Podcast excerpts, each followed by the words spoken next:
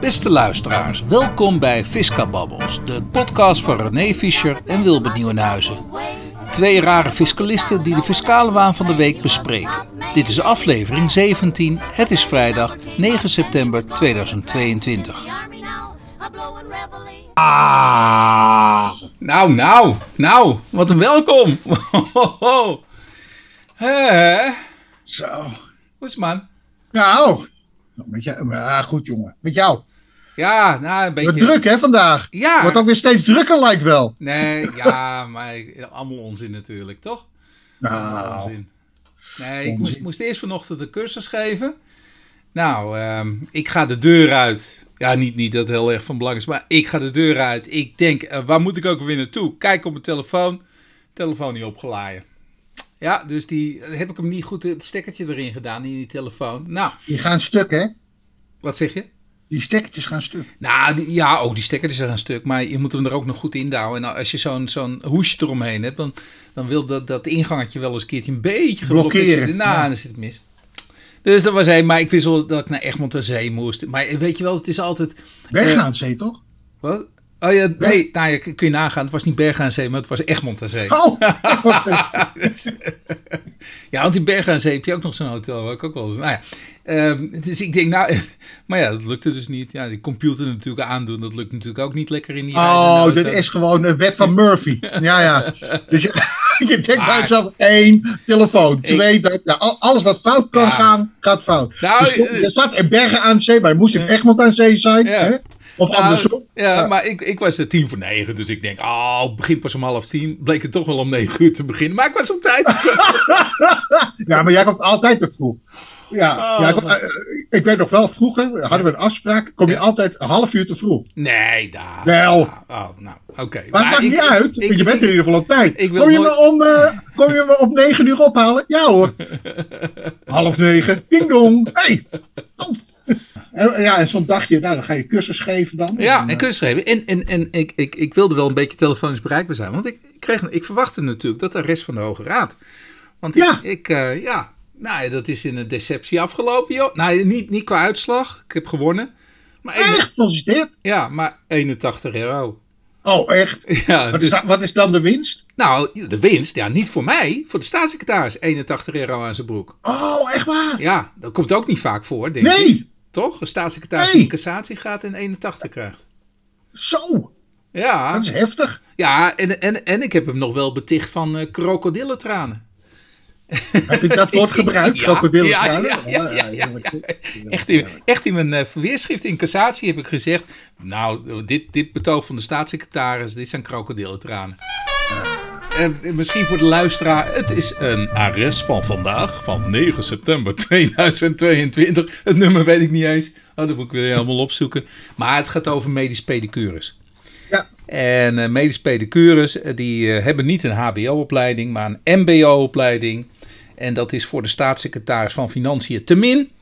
Ja, en daarom onthoudt hij de medische vrijstelling aan medisch pedicures. Nou, we hebben dus aangetoond in rechtbank en in, bij het gerechtshof dat de, de kwaliteit en de kunde en de opleiding daartoe ja, van een medisch pedicure, dat die vergelijkbaar is, gelijk zelfs is, gelijk aan, eh, is aan dat van podotherapeuten. En podotherapeuten zijn wel wetbiggers en wel hbo geschoold, maar podotherapeuten die een klein deel van hun activiteiten, die bestaan dus uit dezelfde werkzaamheden als wat medisch pedicures doen. Daarom besteden ze ook heel veel van die activiteiten uit aan medisch pedicures. Maar die moeten opeens BTW berekenen. Nou, nu zegt de Hoge Raad wat het Hof geoordeeld heeft. Namelijk dat dat vergelijkbaar is, helemaal gelijk. En geen verschil mag maken. Dus of een nou medisch pedicure dit doet, dan wel een podotherapeut. Omdat de behandeling exact gelijk is. Hetzelfde kwaliteitsniveau. Ja, dan, dan moeten allebei vrijgesteld zijn. Dus eh, een mooie overwinning. Nou, Dus, eh, gefeliciteerd. dus thuisgekomen. Gefeliciteerd. En thuisgekomen. overigens ook, maar wat is dan het argument van de, wat, wat was het argument van de staatssecretaris om toch in cassatie te gaan? René, in 2015, ja, ik bedoel, want je moet je lang in, in de jaartelling terug, want ja, ik moest eerst bij de rechtbank Hof en bij de Hoge Raad, maar in 2015 ontstond opnieuw de discussie, naar aanleiding van een arrest van het Hof van Justitie, ehm, van, van ehm, eh, eh, wel, wat, wat kun je nu eigenlijk precies onder de vrijstelling rangschikken? heel terug, heel ver terug. 2006 ja, kregen we een arrest van der Hout uh, en Solleveld, Solleveld en Van der Hout. En daaruit bleek dat de wettelijke bepaling die inhield diensten door wet Biggers, ja, op het gezondheidskundige vlak door wet Biggers, is vrijgesteld. Ja, dat kan niet, zei het Hof van Justitie. Je kunt niet zeggen, hup, wet Biggers, dat is vrijgesteld, de rest niet. Wat je wel kunt doen, zegt het Hof van Justitie, is dat je uh, kwaliteitseisen gaat stellen van wat wel onder de vrijstelling valt. en dan kun je denken natuurlijk, hè, want waarom werd er geprocedeerd? Um, nou ja, ik, hoop dat ik niemand beledig natuurlijk van de luisteraars, waar, waar, we trouwens ook nog op terug moeten komen. Hè. We hebben nog luisteraarshoekjes niet gedaan, maar oké. Okay. Uh, maar, maar, waarbij uh, uh, het Hof van Justitie in een periode dus een uitspraak doet waarin bijvoorbeeld Jomanda nog actief was. En ken jij nog Jomanda? Is dat niet die mevrouw die water kon instralen tot heilig water? Of zo? Uh, niet alleen, maar. Uh, nou, mensen ook natuurlijk. Mensen ook. En, ja, ik herinner me meer. Blauwe, aan, lange jurk. Uh, ja, maar ik herinner haar meer aan die actrice die overleden is. Maar ja, Sylvia Millekamp. Ons ja, Sylvia Millekamp. Ja. Ja, ja. ja, joh, we worden oud, hè? Want dat is ook alweer, nou, jaren terug, hè? Ja, toen had je nog, toen ik nog televisie keek, had je nou, zo'n programma. Dat is jaren uh, terug. Uh, met een dammer, volgens mij. Ik weet eens meer een dammer. Hans Beum, uh, oh, Sylvia Millekamp en ja. nog. Ja, ja. ja klopt, klopt. Ja, bij. bij Goh, hoe, kan, hoe kan dat of zoiets? Nee, toch? Zo, Nou, ik weet echt niet meer wat, ja. wat de titel van het programma was. Maar dat staat me zo voor de geest. Had je zo'n panel. En, uh, en, die uh, en die dan sketches, ook sketches doen. Maar dat ging voornamelijk over consumentenaangelegenheden. Ja, ja, ja. Dus, uh, En daar, daar, maar zij was ook actrice. Maar in ieder geval daarvan ken ik ook Jomanda van. Ja, ja, ja want, want zij leed aan borstkanker en liet het niet behandelen dus, Sylvia Middelkamp. En, en daardoor kwam ze te overlijden. En, en dat kwam omdat ze vertrouwen ja, Ze liet wel behandelen, maar niet medisch. Niet, niet voor de reguliere me, medici. Ja, ja, maar oké, okay, dus, dus um, uh, in die periode, uh, en, en trouwens nu nog steeds, hè, willen de wetbiggers dat de niet-wetbiggers ja, niet worden erkend als medici. Dan komt het in feite als Ja, het is ook een beetje, een beetje om de kwakzalverij uh, tegen te gaan. Dat ja, is het is, er is een hele sterke anti-kwakzalverij-lobby is er inderdaad in Nederland. Maar oké, okay. Nogmaals, in, in, in die periode 2006 zegt toch het Hof van Justitie: jongens, wet Biggers, er zijn voldoende beroepsgroepen die hetzelfde kunnen aanbieden. En, en dat was ook met mevrouw Van der Hout. Maar mevrouw Van der Hout, die, nou ja, die had weliswaar pedagogie gestudeerd, dus, dus, dus toch opvoedkunde? ja, ja, ja, pedagogie is. Uh... Ja, dat, dat is nou niet echt dat je zegt dat is uh, uh, medisch. Maar mevrouw van der Hout die deed wel mee in een praktijk van allemaal psychotherapeuten. En deed dus ook psychotherapeutische begeleidingen, wat wetbiggers dus deden. Dus ze zat in de maatschappij met allemaal wetbiggers en zij was het alleen zelf niet. Terwijl haar, haar, haar kwaliteit en, en kunde en zo, dat was onomstotelijk, uh, was dat wel aanwezig. En daarvan zei het Hof van Justitie, ja, dan kun je het nog niet afhang, laten hangen van het predicaat wetbig. Hm. je mag wel opleidingseisen stellen. Nou, en wat doet die staatssecretaris? En dan heb ik het inderdaad over 2009. Uh, die, die komt met een, uh, een wetsvoorstel, wordt aangenomen, veel te snel natuurlijk, want er wordt totaal niet over gediscussieerd. Leidt tot allerlei problemen ook in de uitvoering. En die staatssecretaris die zegt in, een, uh, in, de, in de wetsvoorstel, wordt aangenomen, zegt hij opeens, nou oké, okay, wet BIG mag niet, maar je mag wel zeggen de mensen die een wet BIG opleiding hebben gevolgd. Ja, dan kom je op exact hetzelfde uh, René. Ik bedoel, dan, dan verander je helemaal niks. Toch? Mm -hmm. Dus je zegt wetpeer en je verandert dat in opleiding van wetpeer. Nou, uh, en je zult begrijpen, dat werd natuurlijk ook niet door de markt gepruimd. Ja. Gevolg, er kwam een soort uitstel. Wet werd nog niet doorgevoerd. Hij was wel al, al, al in de wet opgenomen, dus, hè, die hele tekst. Maar het werd niet uitgevoerd dan. We moesten er weer eens even goed over nadenken. En dat heeft uiteindelijk geleid tot een besluit uit 2016. Oh, nou, dat, daar is toch een aanzienlijke tijd overheen gegaan dan. En daarin gooit hij dat criterium minimaal HBO-diploma. En waarop is dat gebaseerd? Ja joh, uh, pff, dat, dat, dat vraag ik ook aan die rechters. Aan de rechtbank Gelderland en later aan het Hof uh, Arnhem. Ja, dus in ieder geval uh, alle HBO-plussers HBO-plussers, die, mogen daar, eh, die voldoen sowieso dus daaraan. Maar kennelijk wat vergelijkbaar is qua uitvoering, die voldoen er dus niet aan. Dus kennelijk ja. komt daar die opleidingsvereisten uit voor. Nou, daarover ja, ga je dan. Ja, Ze kon, ga... De Belastingdienst die kon niet vertellen waar dat dan op gebaseerd zou moeten zijn. Ja, nee, en dat heeft dus eigenlijk de facto de Hoge Raad ook afgestraft. door middel van een 81 rook. Omdat die opleiding daartoe heeft geleid tot dat juiste kwaliteitsniveau natuurlijk. Dat kan ik mij voorstellen. Ja, uh, moet het hetzelfde behandeld worden? Punt. en het Hof is daarin meegegaan en is ook tot die uitkomst gekomen. En, en, en, eigenlijk de uh, Hoge Raad die is daarin meegegaan, ja, dus kennelijk. Ja, en, en waarom zeg ik krokodillentranen? Helemaal aan het begin zei ik dat, hè? Ja. nou ja, omdat de staatssecretaris, die begint een beetje huilie-huilie te doen in zijn beroepsschrift uh, in cassatie. Want daarin zegt hij, ja, maar nou gaat mijn hele beleid, hè, wat, wat ik neergelegd heb in 2016, dat wordt nu uh, ten gronde gericht. Dan kan ik weer opnieuw gaan schrijven. Nou, zeg ik, dat is zijn krokodillentranen. Want wie zat er aan de tafel? Met, met al die kennisgroepen. En ik maar uitleggen wat medisch pedicure is. Met allemaal deskundigen om me heen. En proberen maar allereerst die inspecteur, vrouwelijke inspecteur, die zei: Ja, ja, ik weet wel wat een pedicure is. Daar ga ik regelmatig naartoe. Maar een medisch pedicure had ze nog nooit van gehoord. Nou, dan denk ik ook van, nou, ga je dan eens inlezen, toch? Ja, voordat je dat gaat zeggen. ja, ja, voordat je, die, eh, voordat je die zaak dan behandelt, gaat het eerst... Uh, nou, dit, dit, was dus bij die kennisgroep, nog in 2015. Dat, dat ja, ja. Dat we Zo lang loopt dit dus al. Ja, toen probeerden we de staatssecretaris, de kennisgroepen, eh, het ministerie ervan te overtuigen. Dit moet je ook meenemen. Je kunt niet die drempel neerleggen bij HBO. Je zult moeten nadenken over veel meer. Dus ja, ik kom thuis, moest meteen een persberichtje natuurlijk uh, aanpassen. Want, want we hadden twee versies gewonnen en verloren. en dan moet je natuurlijk ook nog. Ja, nu heb je ook gewonnen natuurlijk. Ja, nee, ik heb wel gewonnen, maar ik moest nog een versie aanpassen. Van ja, er zit er nog een verwijzing in. Nou, gelukkig niet dus, want ja, het is 81. Maar ja, dan, dan moet je ook natuurlijk nog gaan uitleggen. Ja, en hoe nu verder? He, want nou moeten nou al, over al die jaren moet de B2 teruggevorderd worden door medische pedicures. Oh, ja. ja, ja. ja. Dus nou, nou, ja, in ieder geval heb je vijf jaar en uh, that's it. Dat is ook wel weer jammer. Nee, nee, nee, nee, nee, nee, nee, nee, nee, nee, want we hebben een overeenkomst gesloten met de Belastingdienst.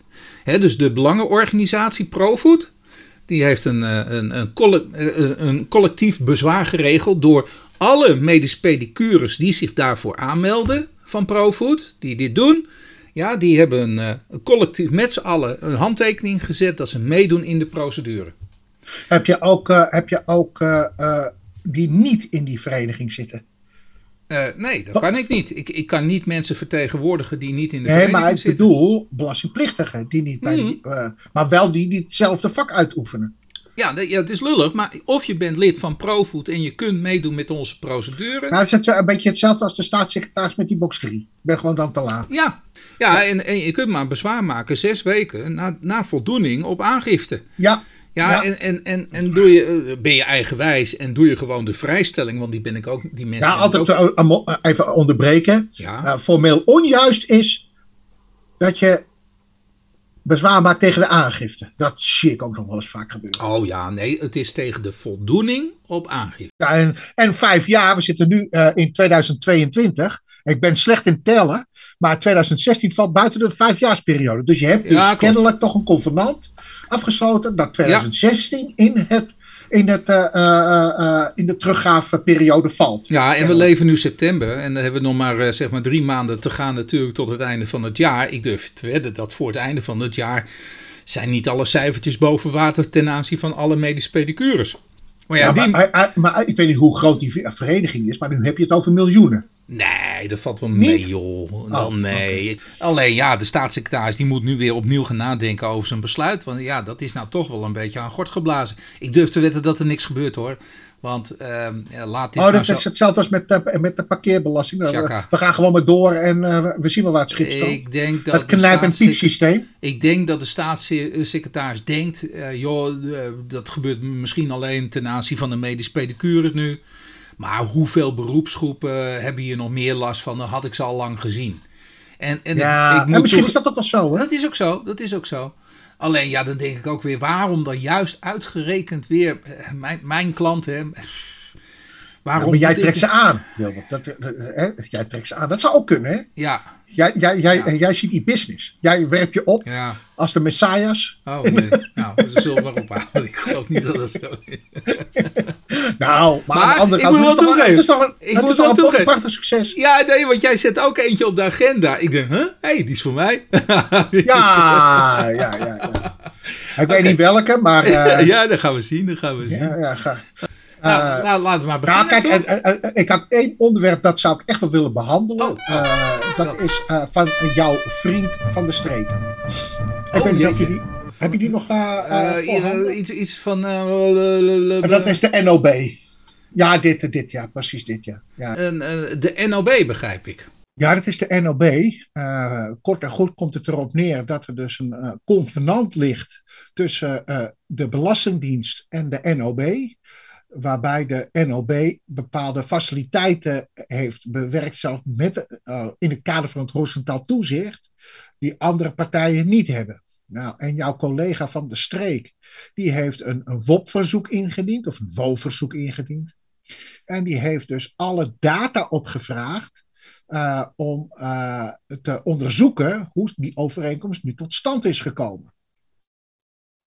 En nou ja, goed, wat heel opmerkelijk is, is dus dat de NOB uh, uh, uh, voor wat betreft controletechnieken heeft bewerkstelligd dat hun leden niet aan die controleverplichtingen hoeft te voldoen op, van financiële aard.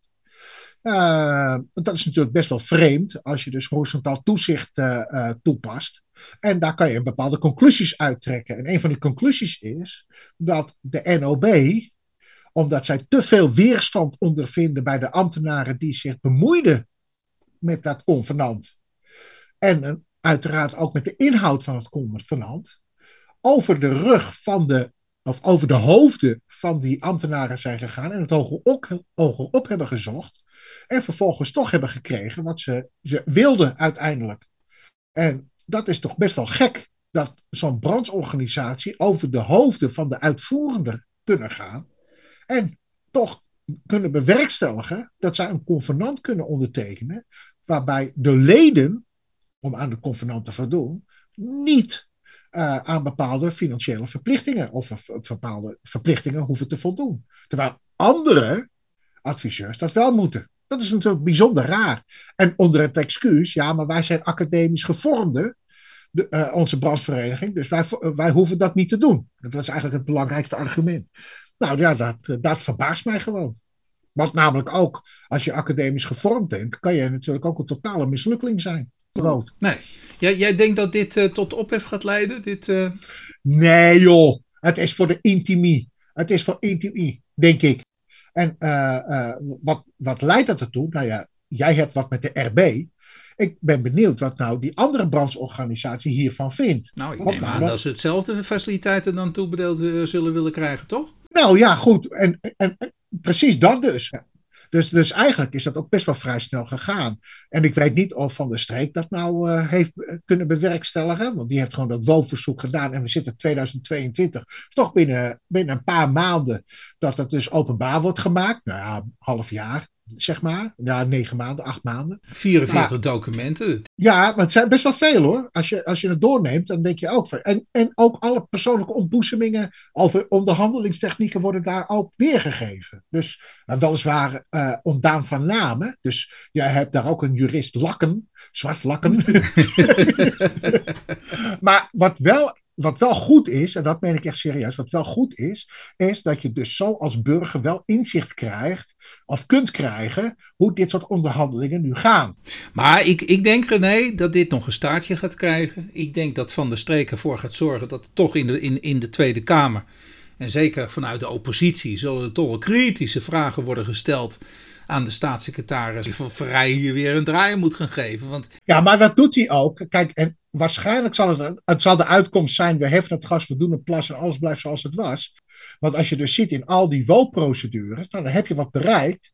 En vervolgens is het van, oké, okay, uh, eh, uh, eh, nou ja, Van Rij, die, die, we doen er niks mee. Joh, nou ja, goed, je had, zojuist had je ook ja, die box 3 uh, eh, kwestie. Oh, ja. dus je hebt hem nu ook al voorstaan. Kijk, in dat verlengde. Ja, maar, uh, even een ander onderwerp, althans het onderwerp wat in het verlengde ligt. Uh, titeltje luidt: Geen compensatie voor niet-bezwaarmakers in box 3 kwestie. Nou, daar hebben we het al een aantal keer over gehad. Hè? Ja, die box 3 jongens, nou ja, het is leuk dat je bezwaar hebt gemaakt, of niet, juist niet bezwaar gemaakt hebt, maar nou, de bezwaarmakers die komen er bekijkt vanaf. En de niet-bezwaarmakers, ja, dat is einde oefening, die gaan het niet krijgen. Dus de bezwaarmakers komen er bekijkt vanaf, heel kort gezegd. We hebben uh, de, uh, de, de staatssecretaris heeft een modus bedacht om tegemoet te komen, zoals hij dat ziet, aan die uitspraak van de Hoge Raad van eind vorig jaar. Nou, uiteindelijk komt het erop neer banktegoeden wordt spaarsaldi, wordt op een bepaalde manier in de heffing betrokken of als fictief rendement. En andere, dus dat is niet spaargeld, wordt tegen een veel hoger percentage uh, in de aanmerking genomen. En ik heb al heel vaak gezegd het voorbeeld van obligaties van 2%. Nou, die worden dus niet in de spaartegoeden be, behandeld, maar in de andere. Nou, is het eerlijk? Ik vraag het me af. Ik weet niet of die regeling die nu in het leven is geroepen, of dat nu voldoet aan zoals de Hoge Raad dat heeft omschreven. Ja, nee, je nou, hoorde mij net vertellen over die medische pedicures. Ik vind het wel redelijk dat de niet-bezwaarmakers niks krijgen. Inderdaad, dat heb jij gezegd. Maar dit, jouw situatie is gewoon wat dus de staatssecretaris als beleid heeft uitgevoerd. Uh, gewild heeft. Die heeft ineens dat criterium van HBO'ers genoemd. Hè? Maar dat is nog niet in strijd met de wet. Hè? Dat, dat, nou, dit ja, ik vond het wel. Ik vond het in strijd met, met de Europese jurisprudentie. En, en, en ik was niet de enige, dat vond rechtbank. Ja, maar dat zit er nog steeds maar dat zit er nog steeds in de uitvoering. Wat hier aan de hand is, is gewoon dat die wettelijke bepaling gewoon niet deugt. Dus gewoon de wet deugt niet. Dus ja, Kijk, die wet deugt wel in jouw situatie. Alleen de uitvoering is anders dan. Nee, die wet deugt ook niet eens. Oh, nee, die, die wet die deugt gewoon niet. Maar die HBO, dat is toch niet, een, eh, eh, dat is toch geen, dat is toch niet in de wet opgenomen? Nou, daarom. Dus die wet die is sowieso in strijd met de richtlijn. En dan, dan probeert die staatssecretaris door middel van een tegemoetkomend besluitje.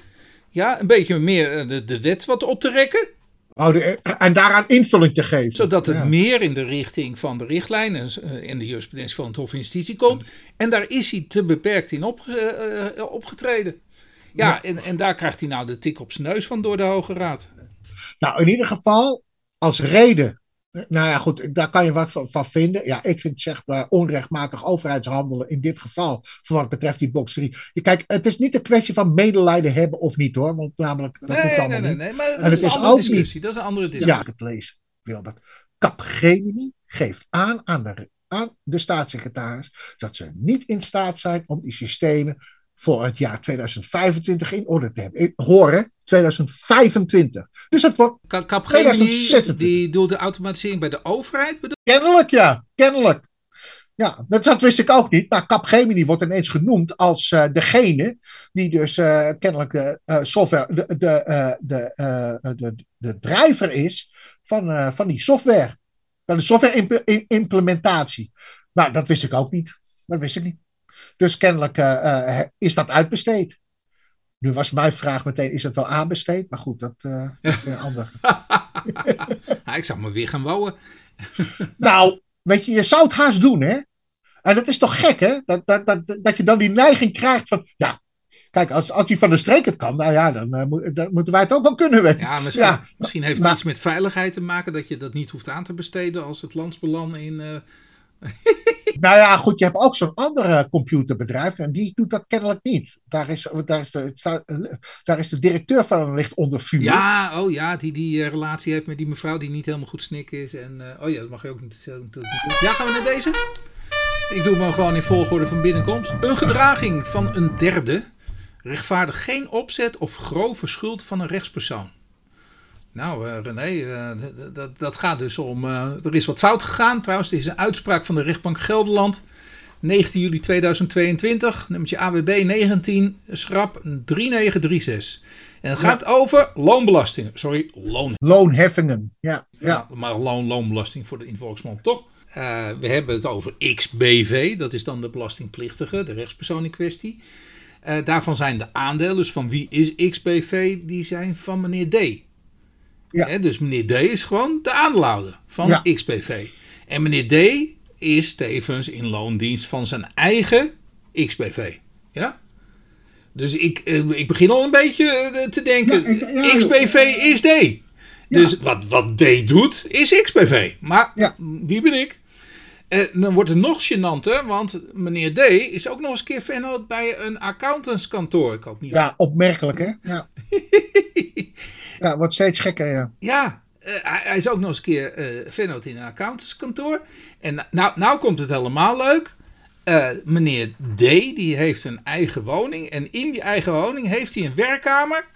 Ja, zonder sanitaire voorzieningen. Oei, ja. dat is altijd een probleem. Hè? Want dat begrijp ik eigenlijk. Een, als je geen sanitaire voorzieningen... Ik, ik roep altijd maar een natte hoek hè, in, de, in, in de directe belastingen hebt. Dan heb je geen... Uh, dat is geen zakelijke kamer.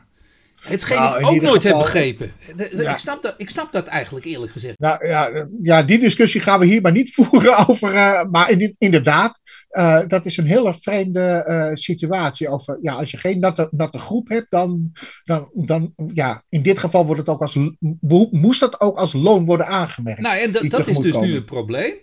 En, en, uh, dus hij doet wat fouts met zijn werkkamer en, en met zijn eigen BV. Dan gaat het dus helemaal eigenlijk fout wat hij doet in de, in de aangifte. Althans, u hoort mij natuurlijk roepen van ja, ik snap er ook helemaal niks van wat er dan fout gaat. Maar oké, ik ga zo direct ook wel even naar het toilet om, om um, een natte hoek uh, te beproeven. Maar, maar um, ja. en dat wordt. En, en nou, nou wordt het raar. Nou, nou, nou is wat D doet, wordt niet toegerekend aan XPV. Begrijp je dat goed? Ja, ja. De rechtbank vernietigt wel de boete.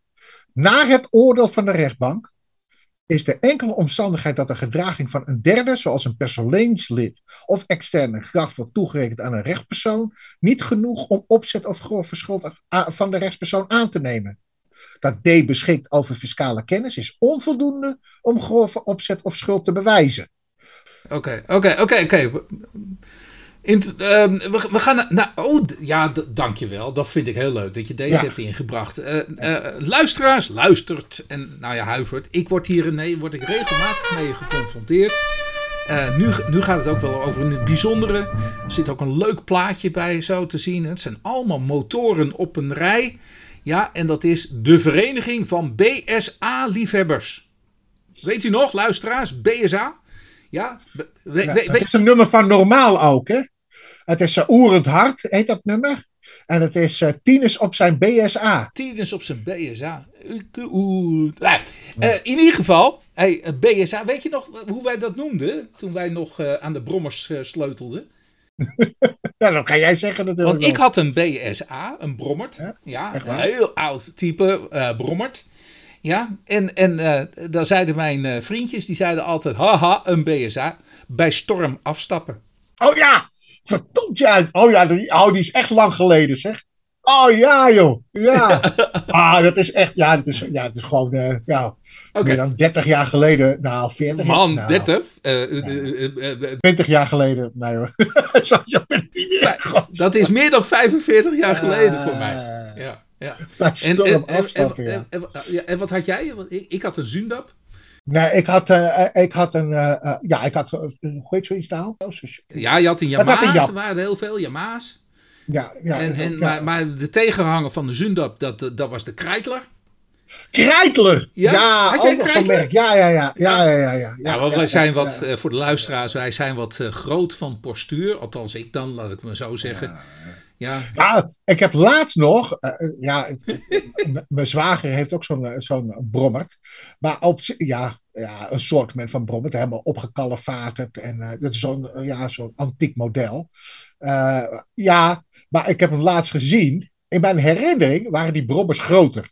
Ik weet niet waarom, maar die waren groter. Nu, nu zag ik zag mijn zwager op die brommer zitten, of althans uh, ernaast staan. Toen dacht ik, jetje man, wat waren die klein? Dat is dat klein ja, ja, gek is dat, hè? Dat je toch een ander beeld krijgt na verloop van tijd dan, uh, nou ja. Oké, we hebben het wel af. Vereniging van BSA-liefhebbers is geen BTW-ondernemer. Nou, het iets genuanceerd is. Hè, de rechtbank Den Haag, en daar hebben we het dus over. Even, waar hebben we het over? Rechtbank Den Haag, 11 augustus 2022, nummer 20, schrap 8147. Dus ook weer een lekkere recente uitspraak van de rechtbank Den Haag, 11 augustus. Nou, het ligt iets genuanceerder. De rechtbank Den Haag die zegt dat die vereniging alleen als BTW-ondernemer wordt aangemerkt voor de verkoop van producten via de webshop, want ze hebben een webshop. Ja, en, en, en verkopen van advertentieruimte uh, in het clubblad aan de leden. Maar, en daar gaat het om, de contributie die blijft buiten de btw-heffing. Ja, er, is een verzoek ingediend bij uh, de inspecteur. En dat is misschien best wel leuk, want hoe komt dit nou allemaal aan het licht? Want gaat de Belastingdienst nou op zoek naar die hele kleine verenigingetjes? Want dit zijn hele kleine verenigingetjes, René. Nee, natuurlijk niet. Dus hoe komt het nou op het bureau van zo'n belastinginspecteur terecht dat hier een probleem van gaat maken? Heel eenvoudig, deze vereniging die heeft ook verzocht, mogen wij gebruik maken van de nieuwe kleine ondernemersregeling? Maar ja, dan is het wel van belang om natuurlijk te weten hoe zit dat nou eigenlijk met die, die opbrengsten uit contributies. Want als de contributie in de heffing moet betrokken, ja, dan wordt het natuurlijk een heel ander verhaal. Nou, maar wat is de tegenprestatie dan van zo'n contributie? Wat, nou ja. wat, zou de, wat, de, wat de Belastingdienst, die, heeft, die had, was kennelijk een ander oordeel. Uh, nee, dat, dat is nu exact het punt. Wat is de tegenprestatie voor een contributie? Ja. Kijk, ik zeg niet, uitdrukkelijk niet, even voor de luisteraars, dat een vereniging die een contributie int, dat, dat daar uh, geen tegenprestatie tegenover staat. Nee, dat is niet zo. Want uh, mijn kinderen zitten op rugby. Mijn kinderen die moeten, maar dat doe ik dus, een, een, een contributie betalen om te kunnen rugbyen. Dan is de prestatie is het verlenen van de toegang tot, tot sportbeoefening. Ja, ze kunnen sportbeoefening doen en daar moet ik een contributie voor betalen. Dus bij de rugbyvereniging is er inderdaad een vergoeding voor een prestatie. Een prestatie van de vereniging aan het lid. Maar bij zo'n BSA-vereniging, wat is de tegenprestatie? En dat zegt dus ook de rechtbank. Die zegt, de, bij die contributie ja, is er helemaal geen rechtstreeks verband met een prestatie die de vereniging levert. En, en daarmee is die contributie is niet een vergoeding voor een prestatie. En omdat ze alleen prestaties in de heffing betrekken, is dit niks voor de BTW. En dat doet de rechtbank heel goed. En ik vind het heerlijk dat dit eens een keer goed is uitgesproken, want dit is altijd een discussie. Dus, dus een contributie houdt niet automatisch in dat er een prestatie is. En dat wordt hier nu even keurig. En ik heb heel veel van dit soort uh, verenigingjes al op visite gehad. Maar dan met betrekking tot uh, oldtimers. En, dan heb ik het over uh, auto's. precies hetzelfde. Je hoeft er niet eens.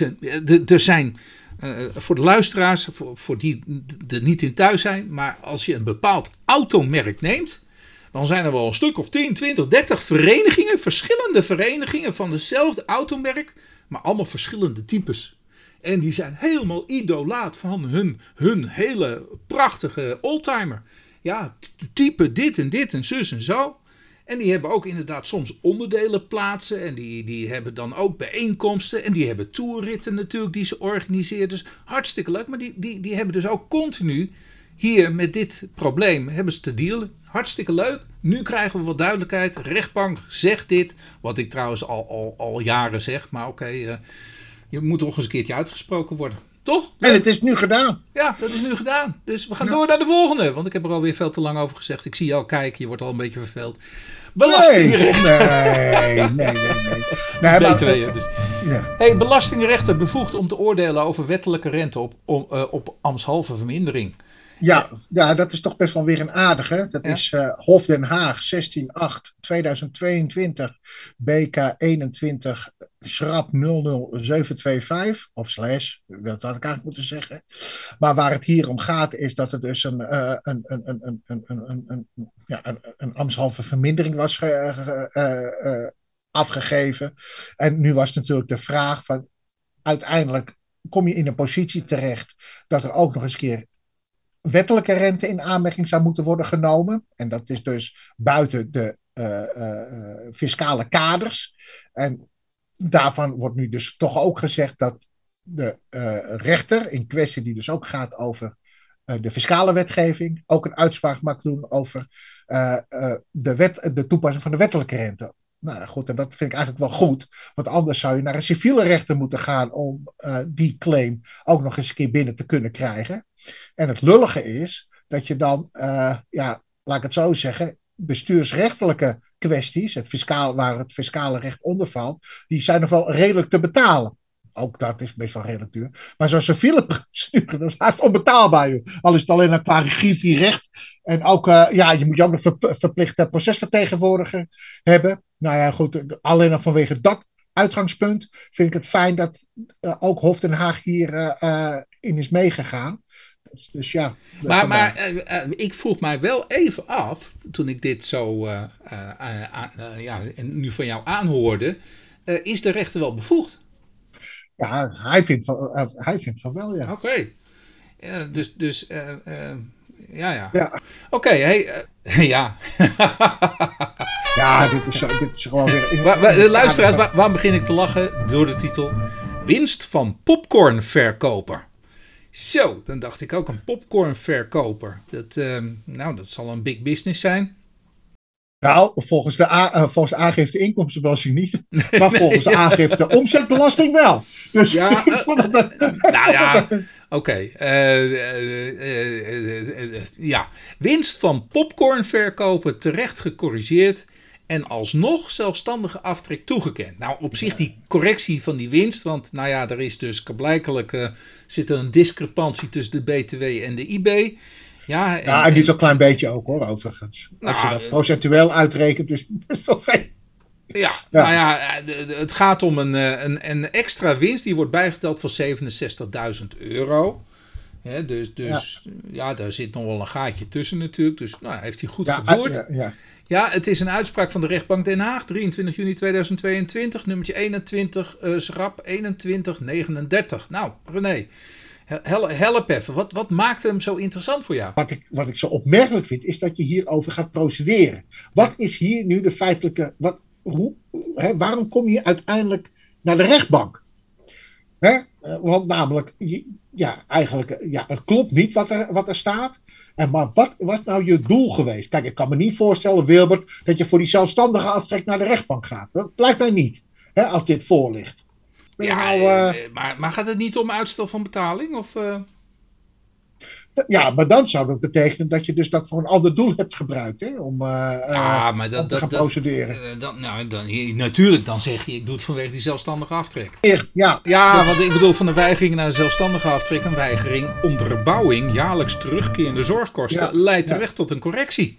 Ja, dus, dus waar hier nog wel die, de, bij de vorige zaak dus uh, nog belanghebbenden wel gelijk kregen over die zelfstandige aftrek. Waarvan jij zegt, nou ja, moet, moet je hier nou helemaal naar de, naar de rechtbank voor. Uh, hier gaat het over het Hof Den Haag. Uh, het Hof Den Haag, dat is van 16 augustus 2022, alweer zo'n lekkere recente. BK 21, schrap 012 46 en 012 47. Ja. Ja, en, en, en hier gaat het... Ja? ja? Ga, ga, nou, wat, ik, wat, wat, wat, ik hierover wil zeggen is het volgende. Je speelt ook een aantal andere aspecten ook oh. mee. Ja. Naast zeg maar het, ja, uh, in dit geval jaarlijks onderbouwen van je zorgkosten. Ja. Nou, het begint natuurlijk met het onderbouwen van je zorgkosten, die je dus kennelijk al jaren hebt. Kijk, in dit geval was de belastingplichtige een chronisch zieke. Die dus echt in, in de ja, jaren hetzelfde uitgavenpatroon heeft. Gehandicapt dus en chronisch. Gehandicapt, chronisch, nou, ziek. Ja. Goed. Dan heb je in, over die jaren heb je Zielig. in de regel wel hetzelfde zorgenkosten uh, die je in aanmerking neemt. Ja, nou, ik, ik kan ook niet hier een hele gedegen administratie bij, bij uh, zien, vaak. Nee. nee. vaak is dat uh, misschien in een, een, een, een schoenendoos. Nou ja, dat, dat kan, maar in ieder geval. Qua kostenstructuur zal ongetwijfeld ongeveer jaarlijks hetzelfde zijn. Maar, ja, maar van deze belastingplichtigen. ongetwijfeld een zootje zijn. Ja, maar van belastingplichtigen wordt in deze wel verwacht dat, ze, dat deze jaarlijks uh, eh, specificaties ja. aanlevert aan de Belastingdienst, omdat het bedrag van die zorgkosten nogal hoog ligt. Ja. Nou, daar kan je wat van vinden. Nou, ik weet uit ervaring ja. En uh, toen ik nog heel jong was, werkte ik ook nog eens een keer in een aangiftepraktijk. Ja. En uh, toen eh, had ik ook zo'n klant met chronisch ziek, hè, en, uh, die chronisch ziek was. Maar die zei ook tegen mij van, joh, maar ik hoef er niet echt jaarlijks een specificatie te overleggen, want dat is toch jaarlijks hetzelfde? Ja, ja. Nou, René, je hebt... Nou, dit, dit, deze mag jij nemen. Dat vond ik wel een aardige voor jou. Misschien is het wel heel makkelijk. Nou, dat is ook heel makkelijk, want als je ziet wie de gemachtigde is. Oh, dat wordt ge. Nee, oh. dat is er niet. Nee. Dat had ik, nee. Dat ben nee, ik. Jij bent geanonimiseerd. Ik ben Gemachtigde, gemachtigde. Heet die? Hey. Gemachtigde, gemachtigde. De laatste tijd laat ze gewoon overeind staan. Dat, uh, ja. Ja, kijk, het is een heel verhaal. Uh, titel. Levering nieuwbouwwoning levert geen BTW-ondernemerschap op. Ja, nou, dat. Uh, dat uh, en voor de BTW, hè? we hebben het weer over een BTW-zaak. Rechtbank Gelderland, 29 augustus 2022. Nee. Ja, het is recent hoor. Man, dat is bijna vorige week was dat. Ja. Dat was vorige week. Ja, ik hou het bij. Ja. en, en, en, en ik weet, nee, heb, ik, heb met je over die zaak gesproken? Nee. Nee. Oh. nee. Ah, ja, ja. ja. Maar ik, ik, ik, vond het wel een kwestie die bij jou past. Dat oh, vond ik. Serieus? Nou. Ja. Het is Want ik zag hem, ik zag hem, ik denk, nou, laat ik die maar ook maar even doorsturen. Einde? dus weet je wel. Dus, dat is toch je eigen uitspraak, of niet? Nee, uh, hoe bedoel je? Uit, ik, ik, ik, wat jij deze had, uh, had gedaan. Uh, ja, ik ben gemachtigde. Dus er valt best wel wat over te vertellen. Leuk hoor. Leuke nou, zaak. vertel. Je hebt nog een paar minuten de tijd. Oh, dank je. Ik, ik dacht dat ik er altijd over ging. Dat, dat is ook zo. uh, ik, ik het maakt mij niet uit. Ik, denk dat de luisteraars dit best wel willen weten. Ik knip jouw onderwerpen wel uit. nee, uh, even, waar gaat het over? Uh, dat is een saillante detail. Had, had, ik de datum? Ja, 29 april had ik gezegd. 20, schap, 52, 71. 29 augustus, hè? 29 augustus. Wat zei ik? 29 april? april. 29, 29 augustus. Inderdaad, echt vorige week. Nou, uh, waar gaat het over? Uh, het gaat over een emeritus hoogleraar. Uh, oh? ja. En, en, en, die man, die is, nou, dat is een slimme man. Daardoor ook wel best wel, nou ja, ik hoop niet dat hij meeluistert, maar best wel een lastige klant. Want hij is, nou, misschien wel heel terecht, hij is heel kritisch op datgene wat ik schrijf. En, en wat ik schrijf, dat kan hij altijd eigenlijk nog beter. dus, Daarom is je ook emeritus, hè? Uh, nee, ja, inmiddels. Want, oh, inmiddels. Uh, ten, ten, tijde van de procedure was hij dat nog wel. Inmiddels is hij dus nu met, met pensioen. maar die man, die, nou, slimme vent natuurlijk, zit ook in een hoek van de technologie. Nou, daar kun je hem ook goed in inschakelen. dus die heeft naast zijn hoogleraarschap, zoals vele hoogleraren, heeft hij ook gewoon een commercieel bedrijf. Ja, en is partner erin in dat commerciële bedrijf. Nou, dat heeft ertoe geleid dat hij 30 jaar geleden, ja, heeft hij een uh, pandje aangeschaft. En, uh, uh, dat hij in gebruik is gaan nemen als kantoorpand. Maar het waren voorheen woningen. had inmiddels een, een wijziging gekregen qua bestemming. Dat was ook allemaal niet helemaal goed gegaan. Dus hij had een pandje gekocht 30 jaar geleden. Niet eens met BTW. En dat heeft hij aanvankelijk verhuurd aan zijn eigen BV. Nou, op een gegeven moment had hij dat ook allemaal niet meer nodig. Ja, dan heeft hij nog steeds dat pandje in zijn bezit. En dat is het enige onroerend goed exploitatie en, en transacties die hij ooit verricht heeft hè, in zijn hele leven. Hij is inmiddels met pensioen, zoals gezegd. Dus die man die, uh, die denkt, ja, wat moet ik nou met dat pandje? Nou, hij gaat dat verhuren aan een kinderdagverblijf. Nou, dat, dat is vrijgesteld van BTW. Dus met BTW heeft hij niks van doen. Dus hij draagt geen BTW af, hij trekt geen BTW af. En dat doet hij jarenlang. En op een gegeven moment trekt dat de kinderdagverblijf, dat trekt eruit. Komt het pandje leeg te staan. Het is, uh, uh, het is een economische crisis uh, is er gaande. Dus hè, 2008, hè, toen stortte de, de... Je zou bijna, dat zei ik ook hoor, bij de rechtbank. Je zou bijna vergeten, maar in 2008 hadden we dus een woningcrisis. Hè. De, de, panden, die, die kon je de straat stenen niet kwijt. Woningen. René, mm weet je dat nog? Zeker. hey, dat is 2008. We leven nu 2022, nog niet eens 15 jaar later. En de, de prijzen van woningen, die, die schieten de pan uit. Een woningtekort en dergelijke. Dus het, het kan verkeren. Nou, dus hij stapt naar een, uh, naar een bouwmaatschappijtje toe, een, een aannemer. En die zegt, nou, ik zie er wel brood in om die, dat, die, dat pand wat je hebt weer te splitsen in twee verschillende woningen. Want het waren oorspronkelijk twee woningen. En dan heb je toch ook nog een leuk lapje tuin erachter. Ja, als we dat er nou ook vanaf splitsen, want dat ligt toevallig net aan de, aan de straat aan de achterkant. En dan hebben we dan twee leuke bouwperceeltjes. Nou, zegt die, eh, die, die, die aannemer, uh, die, uh, best wel slim, die aannemer, een beetje te slim. Uh, die zegt, weet je wat, ik stel wel een samenwerkingsovereenkomst op. Ja, dat, uh, dan, ga, dan, ga, jij daar, uh, of dan gaan we daar twee nieuwe panden, twee onder één kap, dat past er op die tuin. Ja, en die andere twee, die splitsen we, nou, die gaan we verkopen als woning. Nou, wat heeft hij nou gedaan? Hij heeft tegen die aannemer gezegd, aannemer, ik wil geen fiscaal risico lopen. Ik, ik, ik, ik ben hoogleraar, ik ben iemand van, van, die een goede naam heeft. Ja, ik wil geen risico. Dus stem het af met de fiscus. Ja? En die aannemer schakelt een belastingadviseur in. Die belastingadviseur die stuurt een e-mail. Naar en dan gaat het hakken takken. Ja? Dus er staat ook ergens dat hij het heeft verhuurd. Eerst aan zijn BV, later aan een kinderdagverblijf. Dus dat, dat, staat in die e-mailcorrespondentie. En die inspecteur die zegt: ja, als je maar eenmalig een pandje verkoopt, ja, of eenmalig ja, dat, dat stukje perceel tuin, ja, wat onbebouwd is en bestemd is om te worden bebouwd. En je hoort mij hier een definitie geven van wat is een bouwterrein. Uh, maar dan zegt die inspecteur over de rasbelasting, die zegt als je dit maar eenmalig doet, ja, dan ben je geen ondernemer. Hij denkt, nou, ik zit goed. Totdat inderdaad over die overdrachtsbelasting ontstaat er een discussie. En opeens gaat de desbetreffende inspecteur, ik moet eerlijk zeggen controleur, Je had van vroeger rangen en standen en dit is een controleur. Nou, die heeft niet zoveel kaas gegeten natuurlijk, ook al is het een zogenaamde BTW-controleur. Maar ik kan het je echt garanderen dat hij niet zoveel kaas heeft vergeten. Ongetwijfeld neemt hij me dit niet in dank af. Maar ik heb meerdere keren gezegd, dit doet deze meneer. En ik denk dat zelfs uw overdrachtsbelastinginspecteur het juist heeft. Dit doet hij niet als ondernemer. Nou, dus dit heb ik gelukkig gewonnen. En ik hoop dat de inspecteur niet in hoger beroep gaat, want anders komt die hele shit van dat gewekte vertrouwen weer boven water. En ik kan je garanderen dat mijn klant, het was een hele nette hoogleraar, heel, heel kritisch natuurlijk, maar heel netjes. Maar hij heeft er A, slapeloze nachten van gehad. En hij is echt wel furieus op datgene wat hem is overkomen. Hij zegt, waar, heb ik dat nou weer? En hij, hij zei ook, hè, eh, eh, letterlijk, en we hebben het net ook gehad over de FSV. Hij zei, ja, ik, ik, ik ben er nog zo dat ik mij hier tegen ga verweren. Maar hoe zit het dan met mensen die dat niet kunnen? Nou ja, dus nu zei, had ik hem vorige week aan de, aan de telefoon.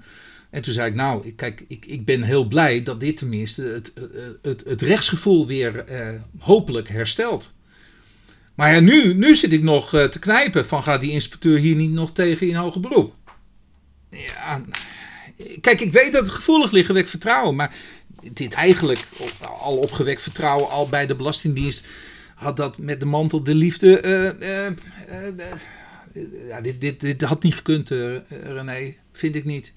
Zo, opgewekt vertrouwen. Ja, ja. ja gewekt vertrouwen, hè, zeg ik altijd maar, want Jan Sanders heeft mij. Uh, Jan Sanders, Jan Sanders zei altijd tegen mij: Wilbert, dat je opgewekt bent. zonder ons. dat je opgewekt bent, dat weet ik. Maar het gaat om of er vertrouwen is gewekt. En niet of er vertrouwen is op, of het vertrouwen opgewekt was. ook een beetje dubbel op, hè? Opgewekt vertrouwen. Ja, uh, ja, ja, gewekt en, en opgewekt. Op, ja, net of je kunt kriebelen en dan is het op. Ja, nu heb ik het opgewekt. Jou heb ik vertrouwen heb ik opgewekt. Ja, nou goed, in ieder geval uh, gewekt vertrouwen. Nee, maar da daarom, eh, de rechtbank Gelderland doet dat, vind ik echt heel charmant. Hè? Ze rappen er bijna met geen. Natuurlijk, het, wordt allemaal wel even genoteerd hè, van wat er allemaal gebeurd is. Ja. Uh, uiteraard, uh, geschil wordt ook wel inderdaad vermeld, hè, natuurlijk. Van, van hoe, hoe zit dat eigenlijk? Ehm, of, of er niet sprake is van gewekt vertrouwen. Dus er, er wordt wel iets over geroepen. Maar ze behandelen lekker alleen maar het materiële recht. Hè van is hier sprake van een ondernemer. Ja, want kennelijk, en, kennelijk bood er het materiële al voldoende uitkomst. Juist. Dus ja, en, en, en dan wordt dat pijnlijke, punt, dat pijnlijke punt van dat gewekte vertrouwen, dat hebben we dus niet nodig. Nee. En dan hoeven we het ook nog niet in te wrijven natuurlijk. En daarom hoop ik dat die inspecteur hier niet mee doorgaat. Want je zult begrijpen dat in hoger beroep, als hij het wel mee doorgaat, ja, dan ga ik weer opnieuw al die hele correspondentie en, en, en dat het er wel staat en dat mijn klant met de rug tegen de muur stond en hij niet anders kon en wordt hem ook niet een redelijke termijn geboden, et cetera, et cetera. Ga ik allemaal naar voren brengen. En, en dat wil je toch niet? Dat, Hey, hadden, hadden we nog wat van luisteraars gehoord? Of, uh... Ja, want namelijk, we zijn op zoek naar sponsors. Oh, heb je er een gevonden? Nee. Oh. Ja, Ja, maar dat moeten we nog eens overleggen. Oh. Die had het meteen over pakketten en dergelijke. Dus daar moeten we ons ook maar eens even druk om gaan maken. Oh. Eh, in de zin van, nou, uh, wat kunnen wij bieden? Hè? Dus hoeveel kosten om, zeg maar, je naam te noemen te, uh, in onze podcast? Nou, ik, uh, uh, nou, misschien dat we daar toch eens een keer wat aandacht aan gaan besteden. Om te kijken van, joh, uh, misschien... Ja, we beginnen nou wel een behoorlijk luisteraarspubliek beginnen we te krijgen. Hè? Dat, ja, dat dan weer wel. En, het is, het is uit alle hoeken en, en, en, gaten krijgen we te horen. Oh, wat een leuke podcast. Oh, ja, ik luister er ook naar. En, en, en, en, en, ook even leuk al voor de luisteraar. We hebben contact met degene die over die parkeerbelastingen heeft geprocedeerd. Precies dat. Ja, Precies leuk, dat, ja. leuk. Ja, vond ik ook leuk. Via vier hoorde hij dat wij een podcast hadden. Toen heeft hij het ook geluisterd. En, nou, dat, uh, en die zei, goh, wat leuk. Nou, uh, ja, ik begrijp dat hij ook nu iets, iets heeft. Vind ik zelf een minder sympathiek en jij ook. En dat zijn de laadpaalklevers. Ja. Nou, heb, heb, heb, ik en jij hebben toevallig een... Ja, ik heb een hybride, maar ook een stekkerauto. Halve stekkerauto. En jij hebt een hele stekkerauto. Ja. En, en, en, jij irriteert je ook wel eens een keer aan een laadpaalklever? Ja. Ja, ik ook. Daarom vind ik het ook niet sympathiek. Nee. Oké. Nou, zullen we afsluiten dan? Dus sluit af. Ja, ja. tot de volgende keer. He was a famous trumpet man from out Chicago way. He had a boogie style that no one else could play. He was a top man at his craft.